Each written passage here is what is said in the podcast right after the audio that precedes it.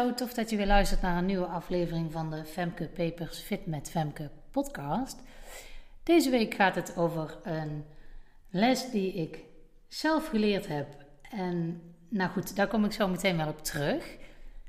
Voordat we daarop ingaan, wil ik ingaan op uh, het hoogte- of het dieptepunt. Degenen die al een lange luisteren, die weten dat ik elke keer een hoogte of een dieptepunt heb. Soms is een dieptepunt eigenlijk ook meteen een hoogtepunt. En ik heb zo eens even teruggekeken, teruggeluisterd eigenlijk.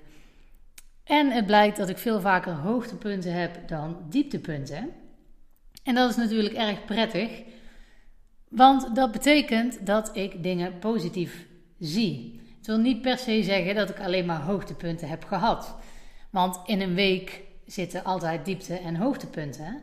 Maar blijkbaar zijn mijn hoogtepunten altijd groter geweest dan mijn dieptepunten. En daar ben ik eens even over na gaan denken. Van is dat eigenlijk wel zo? Zijn mijn hoogtepunten hoger geweest dan mijn dieptepunten?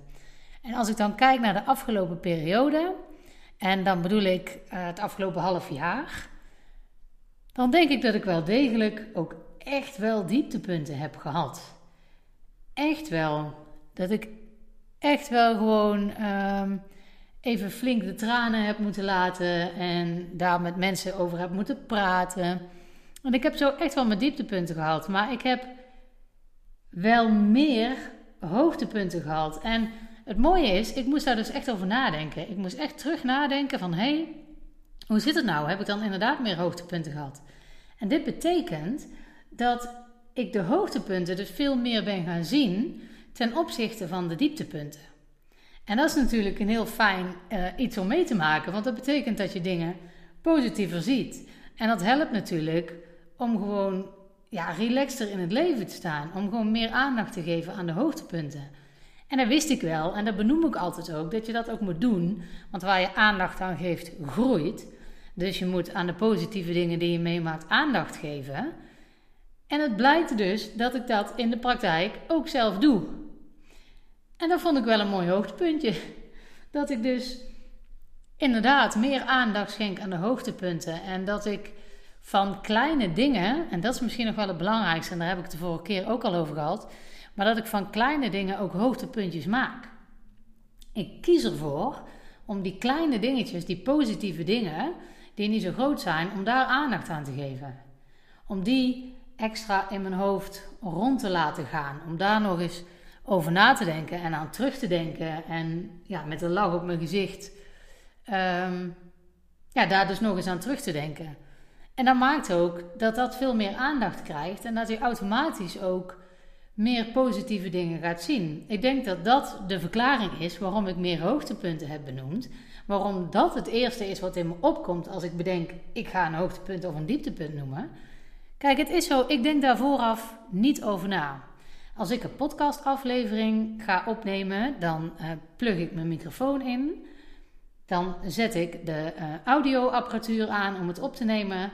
En dan weet ik wel waar ik het over wil hebben uh, qua inhoud, qua onderwerp. Maar dan bedenk ik me altijd nog, oh ja, ik moet ook een hoogte- of dieptepunt hebben. En dat bedenk ik dan dus de plekken. Nou, zo ook deze.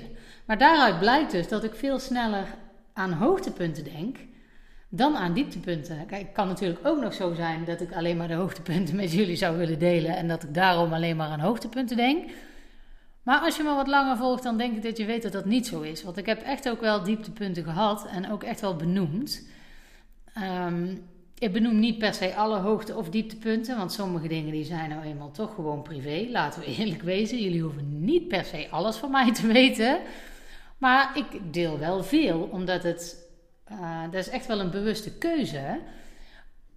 Omdat uh, door dingen met jullie te delen, ik uh, een practice what you preach word. Ik geef daarmee aan dat door je open te stellen, door, um, nou ja, et cetera, enzovoort door dat te doen, um, ja, dat er dan ook meer naar je toe komt in, in, in positieve zin. En ik geef daarmee ook het voorbeeld van hoe ik met sommige dingen ben omgegaan in het verleden. En dan met name ook als het over eten gaat.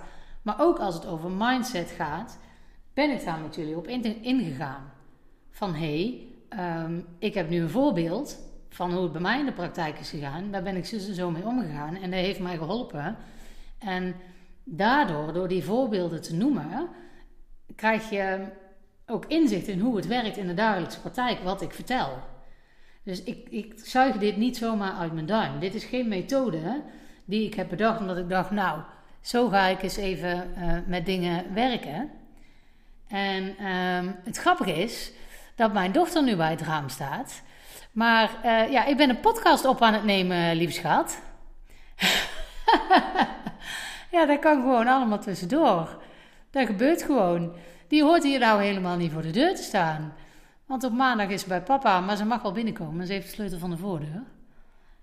Ik had de achterdeur al op slot gedaan, zodat niemand zou storen. Ik dacht al dat ik het hoorde op de inrit. Jij bent niet alleen, Moon, of wel? Nee, wat kom je doen? Ik ben een podcast op aan het nemen en ik heb hem niet stopgezet. Dus, ja? Oh ja, ga maar even doen. Wat? Nee, dat mag niet. Je mag niet naar de wc. zucht. Mijn puberdochter zucht. nou goed, uh, dat is dus mijn leven. Krijgen jullie daar ook weer mee? Uh, ik zei net al tegen Moon, ik zeg ja, ik ga hem niet stopzetten. Ga ik ook niet doen. Uh, nou goed, dit mag toch? Dit is toch niet erg om dit tussendoor te krijgen? Dat gaat gewoon zo om zo. Het, het, gaat niet altijd perfect en dat hoeft ook helemaal niet. Ik zou jaren geleden, zou ik dit dus wel eruit geknipt hebben omdat ik dacht, nou, dat hoort niet. En nu denk ik, ja, die dingen gebeuren, het hoort erbij. En uh, uh, het sluit ook wel mooi aan bij het punt dat ik aan het maken was. Dat um, door dingen te delen in mijn leven, hoe dingen gaan, dat je ook veel meer het idee krijgt van, oh, zo werkt dat dus uh, als ik daarmee aan de slag zou gaan. En um, nou ja, hier is een mooi voorbeeldje van. Ik raak hier dus niet meer door van slag door dingen die dan anders gaan als ik had bedacht. En natuurlijk is het nooit een probleem als je dochter zomaar ineens even binnenkomt vallen. Dat is altijd wel leuk, toch? Moet ook kunnen. Mama's huis is altijd open, om het zo maar te zeggen. Hè? Maar goed, um, nou dat dus. Mijn hoogtepunt is dus eigenlijk dat ik heb ontdekt dat ik meer hoogtepunten heb dan dieptepunten. En dat dat komt omdat ik meer aandacht schenk aan de positieve dingen die ik meemaak. En daardoor ook gewoon uh, lekkerder in mijn vel zit en ook sneller door dieptepunten heen kom door dat uh, op die manier te doen. Dus dat vond ik eigenlijk wel een mooie eye-opener. Dat wat ik ook zeg, wat ik ook coach, dat dat voor mij dus ook zo werkt. En um, dat ik daar dus niet meer over na hoef te denken. Dat het voor mij al een soort gewoon is geworden. En ik merk ook aan klanten dat dat echt wel lastig is om dat gewoonte te maken. Dus bij mij ook niet van de een op de andere dag gaan. Doei Moon! Doei Moon! Hoe ga je nou achterom? Oh, oké, prima. Heb je de voordeur weer op slot? Heb je de voordeur weer op slot? Oké, fijn. Doei. nou, zo gaan die dingen dus. Goed, dan kan ik nu aan het onderwerp beginnen waar ik het over wilde hebben. En dat, dat ik iets geleerd heb. En dat komt, uh, ik neem deze podcast op op een maandag. Ik heb deze al eerder opgenomen. En ik heb zojuist een gesprek gehad met een, uh, een een dame waarmee ik werk, een jonge dame, een klant van mij. En zij gaf eigenlijk aan dat ze, en dat gaf ze al eerder aan, want ik had al van tevoren geappt van, goh, hey, hoe gaat het ermee? Uh, en toen kreeg ik al positief feedback van, nou, het gaat eigenlijk goed. Uh, mooi eye-opener gehad. En top, ik spreek je maandag. Nou, dat was dus vandaag. Ik heb haar zojuist gesproken. En zij gaf aan dat ze met een creatief therapeut al, uh, al een tijdje, al voordat ze met mij aan de slag was, is gegaan uh, was ze daar al. En daaruit bleek dat uh, het onderwerp uh, eetbuien hebben kwam ook daar steeds terug. En die creatief therapeut is er op ingegaan van... hey, waar komt het nou vandaan dat je die eetbuien hebt? En ik zeg altijd van het maakt niet uit waar de eetbuien vandaan komen. Het maakt niet uit waarom je een eetbui hebt. Als je weet wat je eraan kunt doen, dan heb je altijd een oplossing. Want de reden is niet altijd hetzelfde. En daar sta ik ook nog steeds achter. Maar uh, dit is niet de eerste keer dat ik uh, uh, dit gehoord heb. Dat dames ook iets anders doen eh, met, met een therapeut. Of nou, op een andere manier daar mee bezig zijn. Ehm, dat ze ja, door te weten waar het vandaan komt, dat dat helpt. En nu ben ik eens na gaan denken, en dat heb ik er dus van geleerd, van is dat nou echt zo? En ik denk, ik heb nog steeds, uh, nou ja, gelijk, ik wil me gelijk niet halen, maar ik heb nog steeds wel echt een punt dat het waarom dus niet altijd belangrijk is als het gaat om hoe om te gaan met eetbuien.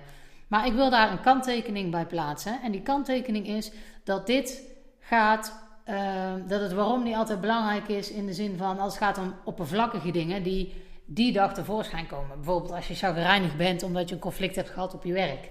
Of omdat je uh, ruzie hebt gehad met je partner en daar boos om bent. Of dat er iets tegengevallen is in welk ander opzicht. Dan geldt nog steeds dat het waarom niet uitmaakt, want het is elke keer iets anders.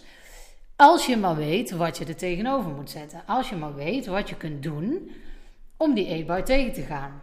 Om die eetbui te stoppen als je er toch al aan begonnen bent. Maar het is wel degelijk uh, belangrijk om te weten waarom. Als er iets is wat echt een onderliggend patroon is. Dus iets wat bijvoorbeeld in het verleden gebeurd is uh, en wat steeds terugkomt. Nou was het bij deze dame zo, die had, uh, ging het over het contact met haar vader.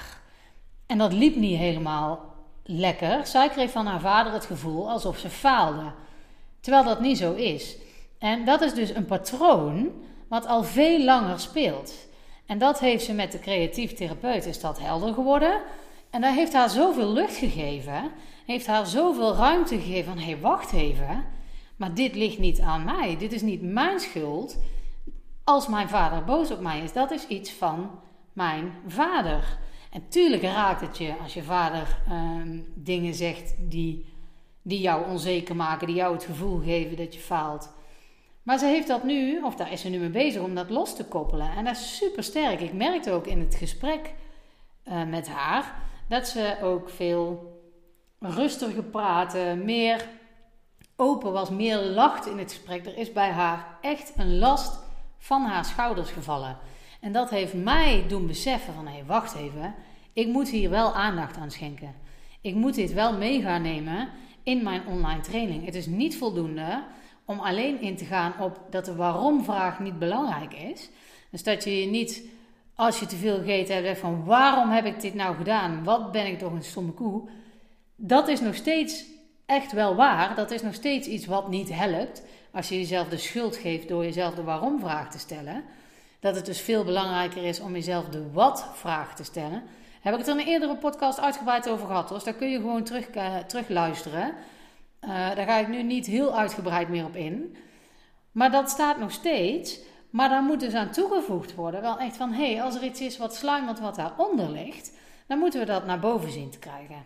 En ik heb nu besloten, ik ben bezig met mijn online training, de Think Tin Academy. Ik zal je zo, uh, ik zal je uh, een link zal ik erbij zetten, zodat je kunt lezen over de Think Tin Academy, mocht je dat willen. Maar ik ga daar nu, die ben ik aan het vernieuwen. Ik ben alles aan het nalopen en ik ben al een heel eind. Maar ik heb nu besloten om een aparte les op te nemen over het waarom. En dan bedoel ik als er een patroon is wat vanuit het verleden is ontstaan. Dus niet het waarom als het gaat om als je uh, chagrijnig bent, boos bent, je tenen hebt gestoten. Ik noem maar, ik noem maar iets dat je daarom gaat eten. Hè? Dat zijn de korte termijn waarommetjes, om het zo maar even te zeggen. Maar als er een patroon onder ligt, dan is het belangrijk om daar wel naar te kijken. Omdat ik nu ervaren heb, en bij haar is het niet de eerste keer dat ik dit hoor, dus het is echt wel tijd dat ik daar nu aandacht aan ga schenken. Als dat patroon duidelijk wordt, geeft dat gewoon heel veel lucht. Dan weet je van, oh wacht even, maar het is dus niet mijn schuld. En sinds dat zij die eye-opener heeft gehad, heeft ze geen eetbui meer gehad. Ze heeft nog wel moeilijke momenten gehad, gaf ze aan.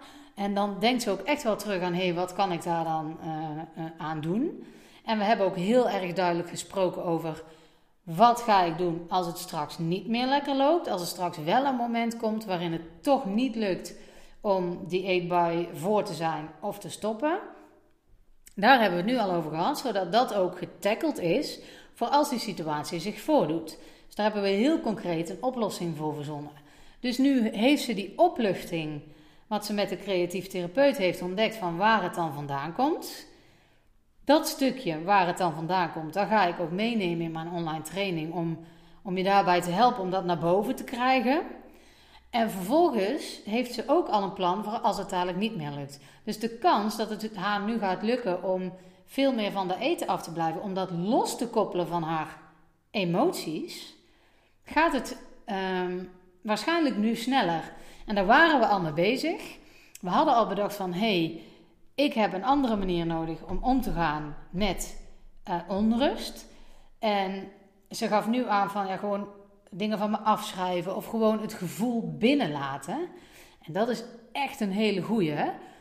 En die kan ik je nu wel meegeven, die tip. Van als je een eetbui voelt aankomen en je kunt het niet relateren aan uh, een, een, woordenwisseling met een vriendin of uh, um, dat je um, autoband lek is en dat je daarom veel te laat komt.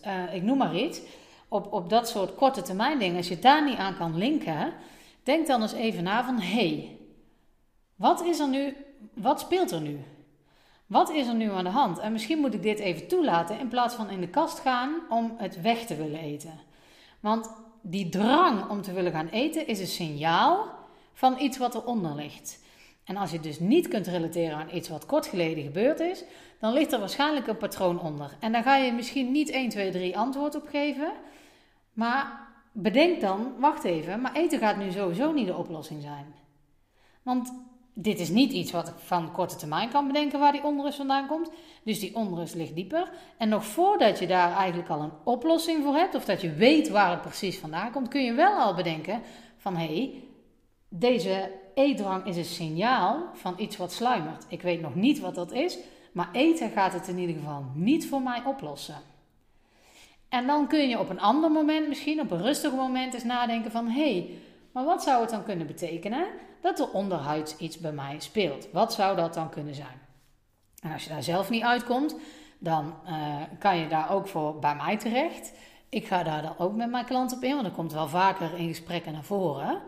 En anders kun je nog kijken, misschien heb je al een coach, of misschien ben je al bij een psycholoog of een therapeut, of misschien kun je het kwijt bij een hele goede vriendin, of weet ik veel. Maar daar zou je dan eens kunnen kijken, als je het zelf dus niet voor elkaar kunt krijgen, van goh, hé, hey, um, wie zou mij kunnen helpen om het wel boven water te krijgen, om het wel boven tafel te krijgen.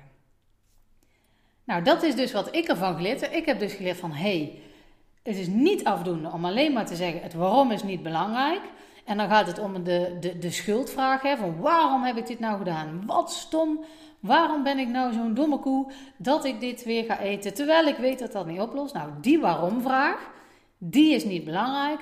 Niet als het gaat om de korte termijn dingen. Dus als je onrust ervaart in de zin van dingen die kort geleden gebeurd zijn. Dus een conflictje of een, een, een tegenvaller, et cetera, enzovoort.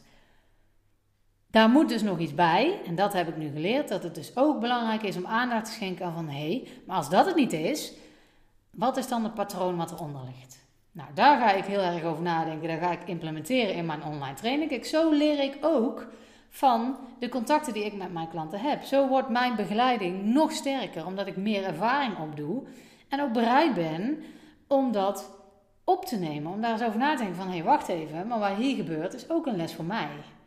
En niet alleen voor mijn klant in dit geval. Dus ik neem dit mee in mijn online training zodat die nog sterker wordt. En het voordeel is dat de dames die daar nu in zitten, die krijgen dat gewoon mee. Die hoeven niet extra betalen omdat ik daar extra content in ga zetten. Die krijgen daar gewoon mee. Het is natuurlijk wel zo dat als mijn LinkedIn Academy dadelijk weer helemaal up-to-date is, dan gaat de prijs wel omhoog. Omdat er gewoon echt wel meerwaarde weer in zit. Omdat ik als coach natuurlijk door ervaring ook beter wordt. En dat ook meeneem in mijn online training, zodat er meerwaarde komt voor mijn klanten. Dus dat ga, ik, ehm, dat ga ik echt wel doen. Maar dat is nu nog niet het geval. Ik ben daar druk mee bezig. En ik ben ook weer terug in boeken aan het duiken van... hey, is er nog iets meer wat ik echt vind dat in die online training moet?